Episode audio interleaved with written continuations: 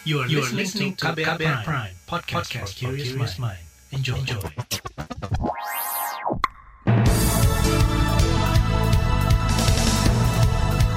Selamat pagi saudara, senang sekali kami bisa menjumpai Anda kembali melalui program Buletin Pagi, edisi Selasa 16 Februari 2021. Bersama saya, Malika. Sejumlah informasi pilihan telah kami siapkan di antaranya Perpres vaksinasi, pemerintah diminta utamakan sosialisasi daripada sanksi. LPSK terima 47 laporan penyiksaan di rutan selama 2020. Jadi jalur penyelundupan senjata, polisi perketat keluar masuk di Nabire. Inilah Buletin Pagi selengkapnya. Terbaru di Buletin Pagi. Pemerintah merevisi peraturan Presiden tentang pengadaan vaksin dan pelaksanaan vaksin dalam rangka penanggulangan pandemi COVID-19. Aturan yang diteken pada pekan lalu itu memuat sanksi bagi individu yang menolak vaksinasi COVID-19. Anggota komisi yang membidangi kesehatan DPR, Kurniasih Mufidayati mengaku kecewa terhadap terbitnya perpres tersebut.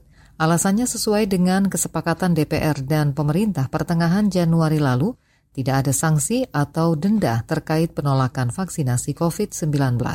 Kedudukan laporan singkat ataupun kesimpulan dari rapat kerja komisi, setiap dari komisi yang ada di DPR RI dengan e, mitranya, dengan kementerian, itu sifatnya mengikat, Mbak. Itu ada di dalam e, MD 3. Jadi ini e, Komisi 9 merasa sangat sangat apa ya tersinggung sekali ya karena artinya kenapa kok uh, kesepakatan yang sudah dibuat bersama-sama dalam rapat yang didiskusikan panjang lebar, tetapi kemudian tidak disepakati oleh salah satu pihak. Ini kan sangat mengecewakan. Anggota Komisi Kesehatan DPR Kurniasi Mufidayati menyatakan pemerintah seharusnya mengutamakan sosialisasi, edukasi, dan tindakan persuasif lainnya, alih-alih memberikan sanksi atau hukuman. Anggota fraksi Partai Keadilan Sejahtera itu mengatakan sosialisasi vaksinasi dan keamanannya masih minim. Menanggapi itu, pemerintah menyatakan pemberian sanksi bagi penolak vaksinasi COVID-19 menjadi pilihan terakhir. Juru bicara vaksinasi dari Kementerian Kesehatan Siti Nadia Tarmizi mengklaim pemerintah mengedepankan pendekatan persuasif ke masyarakat agar target kekebalan kelompok bisa cepat tercapai. Bahkan kalau kita hubungkan dengan undang-undang wabah, maka ada beberapa sanksi ya termasuk misalnya uh, kurungan satu tahun ataupun eh, enam bulan dan denda satu juta sampai lima ratus ribu. Itu tentunya adalah merupakan langkah-langkah terakhir. Uh, pada prinsipnya uh, kita tahu bahwa vaksinasi masal COVID-19 ini adalah bertujuan untuk kita bersama-sama sebagai bagian dari warga negara Indonesia untuk kita bisa keluar dari pandemi COVID-19. Juru bicara vaksinasi dari Kementerian Kesehatan Siti Nadia Tarmizi menambahkan, sanksi administratif yang dimaksud berupa penundaan atau penghentian pemberian bansos, layanan pemerintahan, dan atau denda. Ikatan Dokter Indonesia (IDI) meminta pemerintah mendahulukan edukasi dan literasi sebelum menjatuhkan sanksi bagi penolak vaksinasi COVID-19 Juru bicara PBID Halik Malik meminta pemerintah menggenjot sosialisasi dan edukasi yang dilakukan oleh para ahli atau tokoh. Kata dia, ID akan mendukung apa pun peraturan vaksinasi selama tidak merugikan masyarakat adanya kekhawatiran atau keraguan itu bisa dipahami dikarenakan oleh minimnya informasi atau lebih kepada prinsip kehati-hatian. Oleh karena itu, sosialisasi yang lebih baik, edukasi dan literasi kepada masyarakat itu penting karena penjelasan secara keilmuan, secara terang benderang apalagi jika penjelasan tersebut diberikan oleh pihak-pihak yang memang memiliki otoritas keilmuan dan merupakan eh, pihak yang eh, berwenang. Juru bicara PBID Halik Malik mengatakan adanya beberapa peraturan yang memaksa kepada masyarakat adalah upaya agar semua warga mendapat vaksinasi. Dia bisa memahami jika masih ada masyarakat yang menolak untuk melakukan vaksinasi. Lembaga Pemantau Hukum ICJR menyatakan narasi ancaman pidana untuk menakuti masyarakat usang digunakan saat ini. Peneliti ICJR Maidina Rahmawati mengapresiasi keputusan pemerintah tidak memberikan sanksi pidana bagi masyarakat yang menolak vaksinasi. Salah satu sanksi yang dikenakan soal penundaan bansos, eh, alhamdulillahnya gitu tidak ada mekanisme sanksi pidana, tidak ada sanksi penjara gitu ya. ICJR sendiri kita cukup merespon positif lah, merespon positif atas uh, apa yang sudah dihasilkan di PPS gitu bahwa akhirnya pendekatan yang digunakan oleh presiden untuk mengatasi masalah ini, mengatasi orang-orang yang menolak vaksin itu tidak dengan pendekatan pidana dan juga tidak menggunakan pidana penjara. Karena kalau kita lihat dulu kan sebelumnya kita lihat responnya Wakil Menteri Hukum dan HAM bilang bahwa orang yang menolak vaksin sebenarnya bisa dipidana. Peneliti ICJR Maidina Rahmawati menambahkan, ICJR pernah memberi masukan kepada pemerintah terkait pemberlakuan insentif agar masyarakat mau melakukan vaksinasi tanpa terpaksa. Selain itu, ICJR juga meminta pemerintah memperluas sosialisasi vaksinasi kepada masyarakat untuk mengurangi penolakan akan vaksinasi. Sebelumnya pemerintah mengeluarkan peraturan presiden yang memberikan sanksi administratif bagi warga yang menolak vaksinasi. Aturan tersebut diteken Presiden Jokowi pada pekan lalu. You're listening to KBR podcast for curious mind. Enjoy!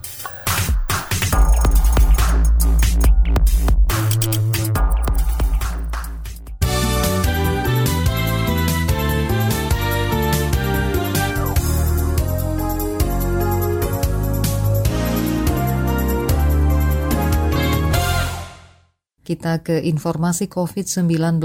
Saudara pemerintah mencatat penambahan kasus harian COVID-19 sebanyak lebih 6.400 kasus pada Senin kemarin, sementara jumlah pasien yang sembuh sebanyak lebih dari 6.700 dan meninggal sebanyak 184 orang. Menurut data BNPB, total kasus sejak awal pandemi tercatat sebanyak lebih 1,2 juta dengan angka sembuh lebih dari 1 juta pasien. Sedangkan kasus aktif saat ini berjumlah lebih 158 ribu. Lembaga Perlindungan Saksi dan Korban LPSK menerima sedikitnya 47 laporan dan permohonan perlindungan terkait penyiksaan di rumah tahanan atau rutan. Menurut Wakil Ketua LPSK Manajer Nasution, permintaan perlindungan itu diterima pada tahun lalu. Kalau kita melihat sebuah penyiksaan yang terjadi di rumah tahanan atau di rupa tahanan begitu ya. LPSK misalnya uh, memang tahun 2020 saja itu tidak kurang dari 47 permohonan yang kita terima dan memang aktornya tetap aparat negara yang mestinya memberikan perlindungan kepada warga negara gitu. Dan lokusnya juga relatif sama seperti tahun-tahun lalu. Wakil Ketua LPSK Manajer Nasution menambahkan praktik penyiksaan terjadi di antaranya imbas rutan yang kelebihan kapasitas hingga perspektif petugas rutan yang belum mengayomi dan melindungi. Manajer berharap dialog dan pemantauan yang melibatkan berbagai lembaga terus dilakukan mencegah berulangnya praktek penyiksaan di rutan. Kapolri Listio Sigit Prabowo berjanji memperhatikan aspek hak asasi manusia HAM dalam penegakan hukum saat rapat pimpinan TNI Polri di Mabes Polri. Listio menyebut aspek HAM ini juga pernah disampaikan Presiden Joko Widodo kepada kepolisian. Menghormati hak asasi manusia, menjunjung tinggi demokrasi dan memberikan rasa keadilan kepada masyarakat Kapolri Listio Sigit Prabowo juga berjanji akan selektif dalam menerapkan pasal-pasal dalam Undang-Undang Informasi dan Transaksi Elektronik IT. Selain itu, janji Sigit, polisi juga akan mengedepankan langkah mediasi dan persuasif sebagai upaya menghormati kebebasan berpendapat di Indonesia. Kepolisian masih menelusuri pemilik portal Aisyah Wedding yang diduga melakukan promosi perkawinan anak. Kepala Unit Perlindungan Perempuan dan Anak di Bareskrim Mabes Polri, Emma Rahmawati, menyatakan kontak yang tercantum di portal Aisyah Wedding diduga fiktif. Kepolisian masih mempelajari pelanggaran hukum yang dapat dijeratkan pada Aisyah Wedding. Terus terang kami di kewilayahan di uh, Bareskrim, kami sebagai penegak hukum, uh, khususnya ter, ter, terlepas dari adanya berita viral uh, website AW ini, Eh, kami juga dalam proses penanganan uh, perkawinan anak itu juga karena tidak ada undang-undang yang mengatur khusus uh, maka yang kami terapkan akhirnya kepada uh, tindak pidana persetubuhan, pencabulan ataupun melarikan anak di bawah umur. Kepala Unit PPA Bareskrim Mabes Polri Emma Rahmawati menyebut kepolisian sulit menjerat Aisyah Wedding karena tidak adanya undang-undang yang mengatur tentang perkawinan anak. Polisi kata dia juga tidak mempunyai data kasus perkawinan anak. Sementara Kementerian Pemberdayaan Perempuan dan Perlindungan Anak Kemen PPPA mengajak seluruh pemangku kepentingan mencegah perkawinan anak, Deputi Bidang Tumbuh Kembang Anak Kemen PPPA Lady Rosalin menekankan Pencegahan diperlukan karena angka perkawinan anak hanya turun 0,4 persen setiap tahunnya. Beralih ke informasi ekonomi, neraca perdagangan Indonesia surplus 1,9 miliar dolar Amerika Serikat atau setara 27 triliun rupiah pada bulan lalu. Kepala Badan Pusat Statistik Suharyanto menyebut surplusnya neraca perdagangan Indonesia dikarenakan nilai ekspor bulan lalu mencapai 15-an miliar dolar lebih besar dari impor yang menembus 13 miliar dolar. Posisi ini jauh lebih bagus kalau kita bandingkan misalnya dengan posisi neraca perdagangan pada bulan Januari tahun 2020 yang pada waktu itu mengalami defisit 640 juta US dollar atau juga pada bulan Januari tahun 2019 yang pada waktu itu mengalami defisit sebesar 980 juta US dollar. Kepala BPS Suharyanto menambahkan kinerja ekspor di awal tahun tercatat meningkat 12 persen secara tahunan yang disumbang oleh sektor pertanian, industri, dan tambang. Jumlah penduduk miskin Indonesia tercatat mencapai 27,5 juta orang pada September 2020. Jumlah ini meningkat 2,7 juta atau 0,97 persen jika dibandingkan September 2019 sebelum pandemi melanda. Kepala Badan Pusat Statistik Suharyanto mengatakan, laju kenaikan penduduk miskin bisa ditekan karena program perlindungan sosial yang diluncurkan pemerintah. Di 2020 program ini menyedot anggaran lebih dari 200 triliun rupiah. Meski penduduk miskin naik, jumlahnya tidak seperti prediksi sejumlah lembaga internasional seperti Bank Dunia. Kita ke mancanegara. Sidang perdana pemimpin de facto Myanmar, Aung San Suu Kyi, akan digelar hari ini dan besok. Menurut pengacara Hin Maung Zhao, Suu Kyi dan Presiden Win Min diagendakan hadir dalam persidangan yang dilakukan melalui konferensi pers. Sebelumnya pengadilan Myanmar memperpanjang masa penahanan Suu Kyi yang seharusnya berakhir kemarin. Pengacara Hin juga tidak diizinkan menemui kliennya Suci hingga saat ini. Beralih ke berita olahraga, Francisco Triangco menjadi senjata baru Barcelona saat bersua Paris Saint-Germain pada leg pertama babak 16 besar Liga Champions Rabu dini hari nanti. Triangco yang juga disebut sebagai musuh Lionel Messi itu tengah tampil bagus di Barcelona. Penyerang saya berusia 21 tahun itu mencetak dua gol saat Barcelona menang telak 5-1 atas Alaves di Liga Spanyol akhir pekan lalu. Dua gol itu menambah pundi-pundi gol Triangco dalam tiga laga terakhir. Ia juga mencetak satu gol yang menentukan kemenangan Barcelona atas Real Betis di Liga Spanyol 7 Februari lalu. Laporan khas KBR tentang niat baik vaksin mandiri jangan disalahgunakan. Segera kami hadirkan, tetaplah di Buletin Pagi KBR. Commercial break. Ita Biliana, psikolog dari Lembaga Psikologi Terapan UI, memberi pesan kepada teman-teman Broken Home untuk meraih masa depan yang terbaik terlepas bagaimana kondisi rumahmu, bukan kondisi orang tuamu, itu ya kamu adalah individu sendiri yang punya hak dan punya kemampuan untuk menentukan nanti ke depannya mau gimana gitu. Jadi apa yang terjadi di belakang kamu tuh it doesn't define who you are atau yes. who will you be gitu aja, who you will be. Simak obrolan selengkapnya dalam podcast Disco Diskusi Psikologi dalam episode Masa Depan Anak Broken Home di kbrprime.id dan platform mendengar podcast lainnya.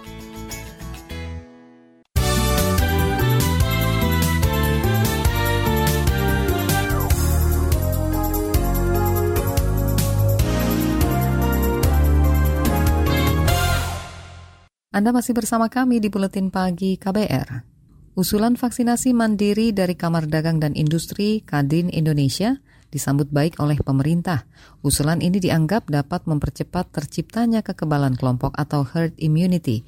Namun sejumlah pihak khawatir vaksinasi mandiri dapat mengganggu program vaksinasi massal dari pemerintah. Lantas apa solusinya? Bagaimana pula pengawasan vaksinasi mandiri ini agar tidak disalahgunakan? Berikut laporan khas KBR yang disusun Wahyu Setiawan. Vaksinasi digadang-gadang menjadi solusi ampuh untuk Indonesia keluar dari krisis akibat pandemi. Dari penghitungan pemerintah, dibutuhkan waktu sekitar 15 bulan untuk menuntaskan vaksinasi ini, dengan harapan tercipta kekebalan kelompok atau herd immunity. Namun, 15 bulan tampaknya menjadi waktu yang cukup lama bagi kalangan pengusaha untuk bertahan dari pandemi. Sejak kemunculan kasus pertama pada Maret 2020, dunia usaha sudah kadung menderita. Ketua Umum Kamar Dagang dan Industri Kadin Indonesia, Rosan Perkasa Ruslani mengusulkan agar pemerintah membuka ruang bagi kalangan pengusaha untuk melakukan vaksinasi secara mandiri. Rosan menyebutnya sebagai vaksin gotong royong pertama untuk supaya percepatan terhadap vaksinasi ini bisa lebih lebih cepat sehingga bisa tercipta herd immunity dan ini akan berdampak positif terhadap sektor kesehatan dan juga pemulihan ekonomi. Rosan mengklaim telah mendapat dukungan dari para pengusaha kelas atas, menengah, hingga bawah. Dia juga mengatakan terus berkoordinasi dengan Kementerian Kesehatan, BUMN, dan Komite Penanganan COVID-19 dan Pemulihan Ekonomi Nasional KCP PEN dalam peraturan Presiden tentang pengadaan vaksin dan pelaksanaan vaksinasi dalam rangka penanggulangan pandemi COVID-19 yang belum lama ini diteken, gagasan itu memang belum terakomodir. Namun usulan ini sempat disambut baik oleh Presiden Joko Widodo. Kata Jokowi, pemerintah membuka opsi vaksinasi mandiri asal vaksinnya berbeda dengan vaksin yang digratiskan pemerintah.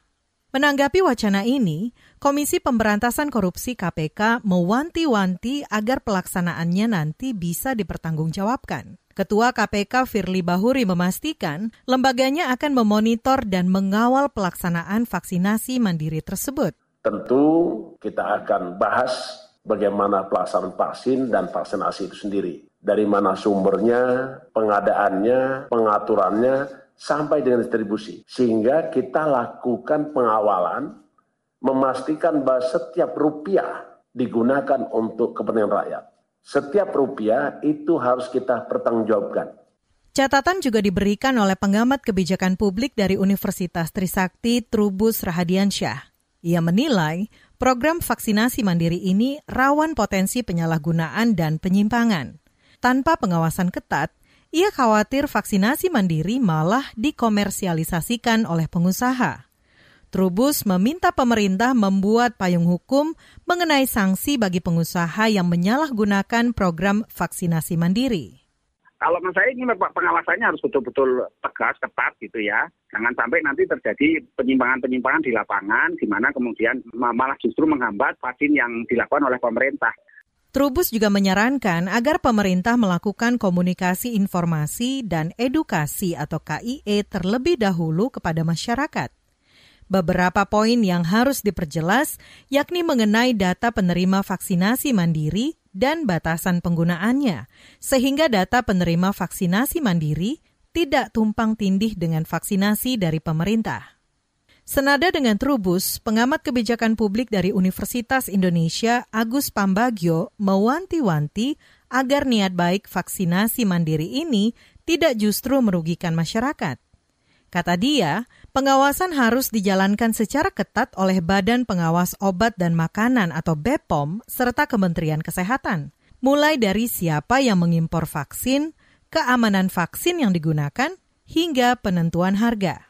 Nah yang ini bagaimana? Harus banyak yang diatur. Bukan mengatur untuk menghambat, tapi mengatur untuk jaga-jaga supaya masyarakat jangan jadi korban. Karena di Indonesia ini kan isi kepalanya cuma nipu saja, siapa pun dia. Nah ini harus dihati-hati dicermati. Hingga saat ini, Kementerian Kesehatan mengaku masih mendengar masukan dari berbagai pihak. Juru bicara vaksin COVID-19 dari Kementerian Kesehatan, Siti Nadia Tarmizi, belum bisa memastikan kapan program vaksinasi mandiri ini dijalankan. Jadi mohon ditunggu saja terkait vaksinasi gotong royong ini karena memang kita belum menelurkan kebijakannya karena masih dalam proses internal serta juga berdiskusi dengan berbagai uh, kementerian dan lembaga. Juru bicara vaksin COVID-19 dari Kementerian Kesehatan, Siti Nadia Tarmizi memastikan akan berhati-hati dalam merumuskan aturan mengenai vaksinasi mandiri. Demikian laporan khas KBR yang disusun Wahyu Setiawan. Saya Aika Renata. Informasi dari daerah akan kami sajikan usai jeda. Tetaplah di Buletin Pagi KBR. You're listening to KBR Pride, podcast for curious mind. Enjoy!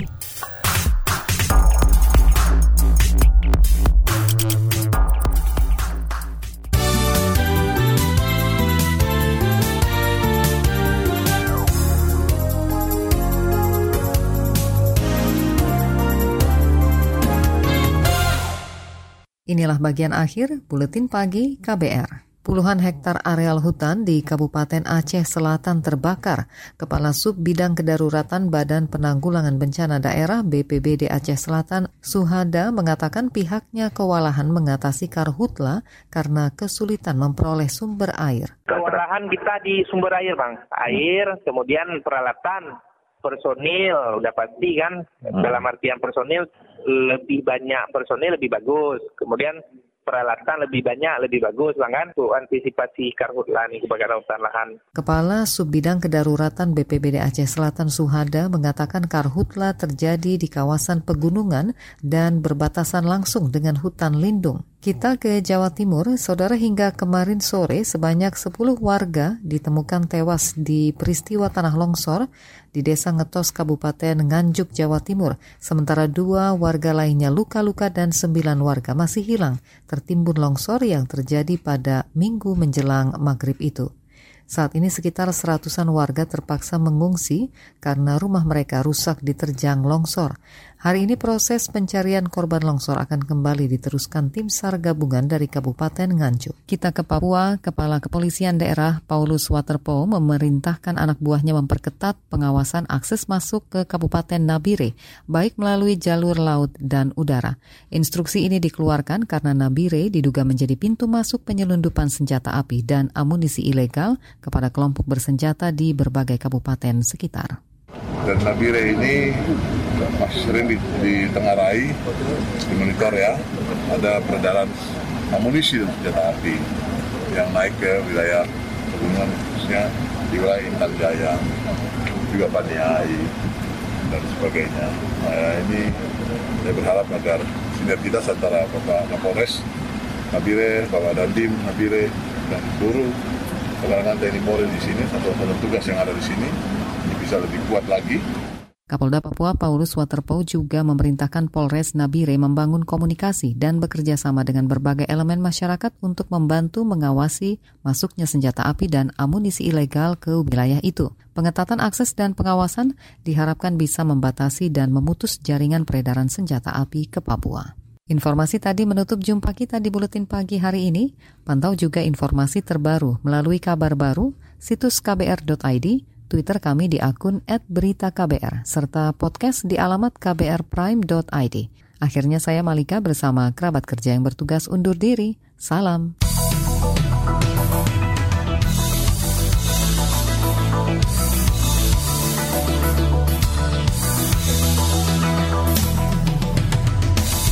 KBR Prime, cara asik mendengar berita. KBR Prime, podcast for curious mind.